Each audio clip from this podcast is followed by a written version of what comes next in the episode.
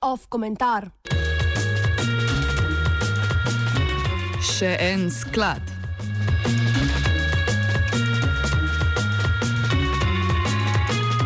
Koalicija je, vsaj tako se zdi, poenotena glede ustanovitve demografskega sklada. Kljub temu, da se razhajajo mnenja glede tehnične izvedbe, pa sama ustanovitev tega sklada uživa skoraj univerzalno podporo. Zanj se zauzemajo tako politične stranke desnice, sredine in levice, kot tudi sindikati in upokojenska združenja.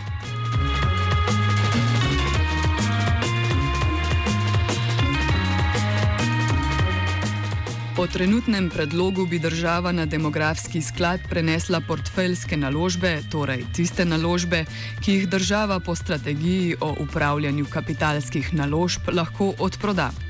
Strateške naložbe pa bi ostale pod okriljem slovenskega državnega holdinga. Poleg tega bi se v sklad stekal še del kupnin od prodaje državnih podjetij.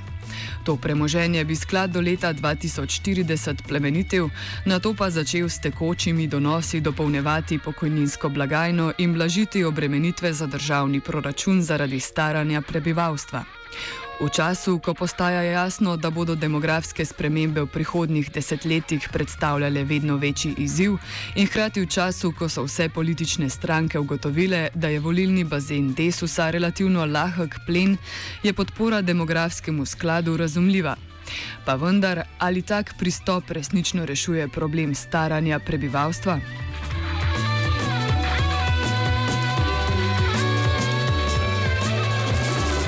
Osnovni problem demografskega sklada je dvojen.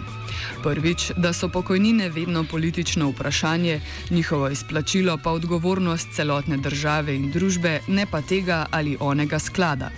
In drugič, da prihodke upokojencem vedno izplačuje vsakokratna delovna, delovna generacija, ne glede na to, ali je način izplačevanja organiziran pretočno prek pokojninske blagajne ali prek investicij sklada.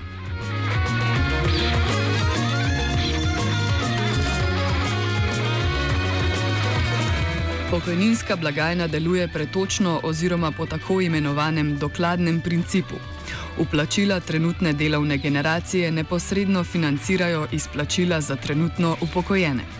Iz tu izhaja osnovni problem. Če se razmerje med velikostjo delovne in upokojene generacije spremeni v prid slednje, se bodo morali delavci v prihodnosti odpovedati večjemu delu svojih prihodkov za vzdrževanje upokojencev. Enako je z demografskim skladom. Ta bo svoje prihodke črpal iz dividend podjetij v portfelju, ki bodo izhajale iz dobičkov, ki jih bodo ustvarili takratni delavci. Ti se bodo odpovedali delu dobičkov, ki bi jih sicer lahko prelili v više plače ali pa investicije in ga namenili za vzdrževanje upokojencev. Neizogibno dejstvo pa je, da je vsakokratni prihodek prebivalstva, vključujoč upokojence, mogoče vzdrževati le iz takratnega družbenega proizvoda, ne pa iz preteklega.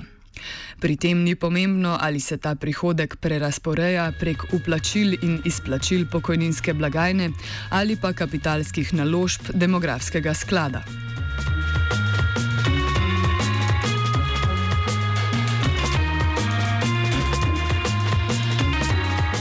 Demografski sklad torej ne more rešiti osnovne težave, da bo s staranjem prebivalstva večji del družbenega proizvoda treba nameniti vzdrževanju upokojencev. Res je sicer, da uvaja dodaten kanal in dodatna sredstva za financiranje pokojnin, na nek način gre za dokapitalizacijo pokojninske blagajne. A ta dokapitalizacija ni posebno velika. Kapitalska družba že sedaj letno v pokojninsko blagajno vplača 50 milijonov evrov, kar je v primerjavi s petimi milijardami, kolikor znašajo izplačila pokojnin, pljunek v morje.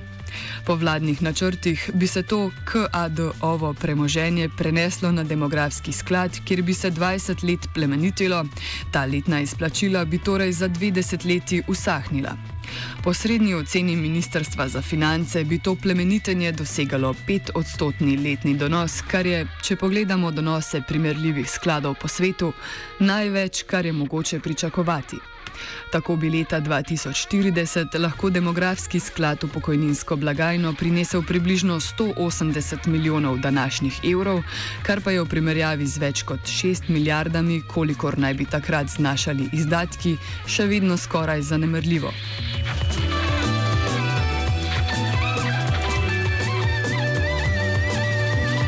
Poleg tega tudi ni jasno, zakaj potrebujemo poseben, ločen, neodvisen demografski sklad.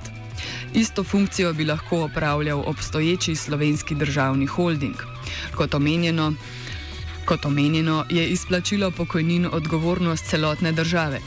Če se, tem, če se s prispevki ne zbere dovolj sredstev za izplačilo, razliko pristavi državni proračun. Trenutno ta razlika znaša okoli milijarde in pol evrov. Popolnoma vseeno je, če na mesto demografskega sklada del te razlike krije slovenski državni holding. Ali pa če slovenski državni holding izplača dividende državi v proračun, ta pa iz proračuna na to financira pokojnine. Ustanovitev demografskega sklada je dejansko prestavljanje sredstev iz enega žepa v drugega.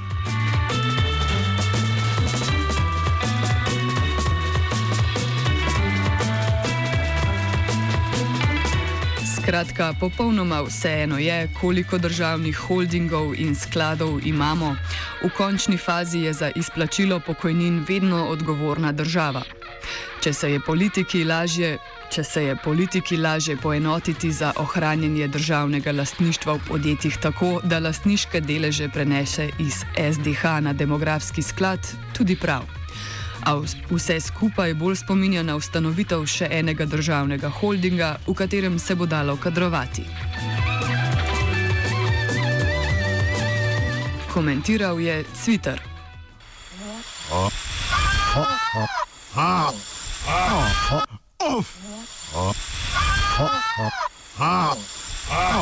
Off komentar.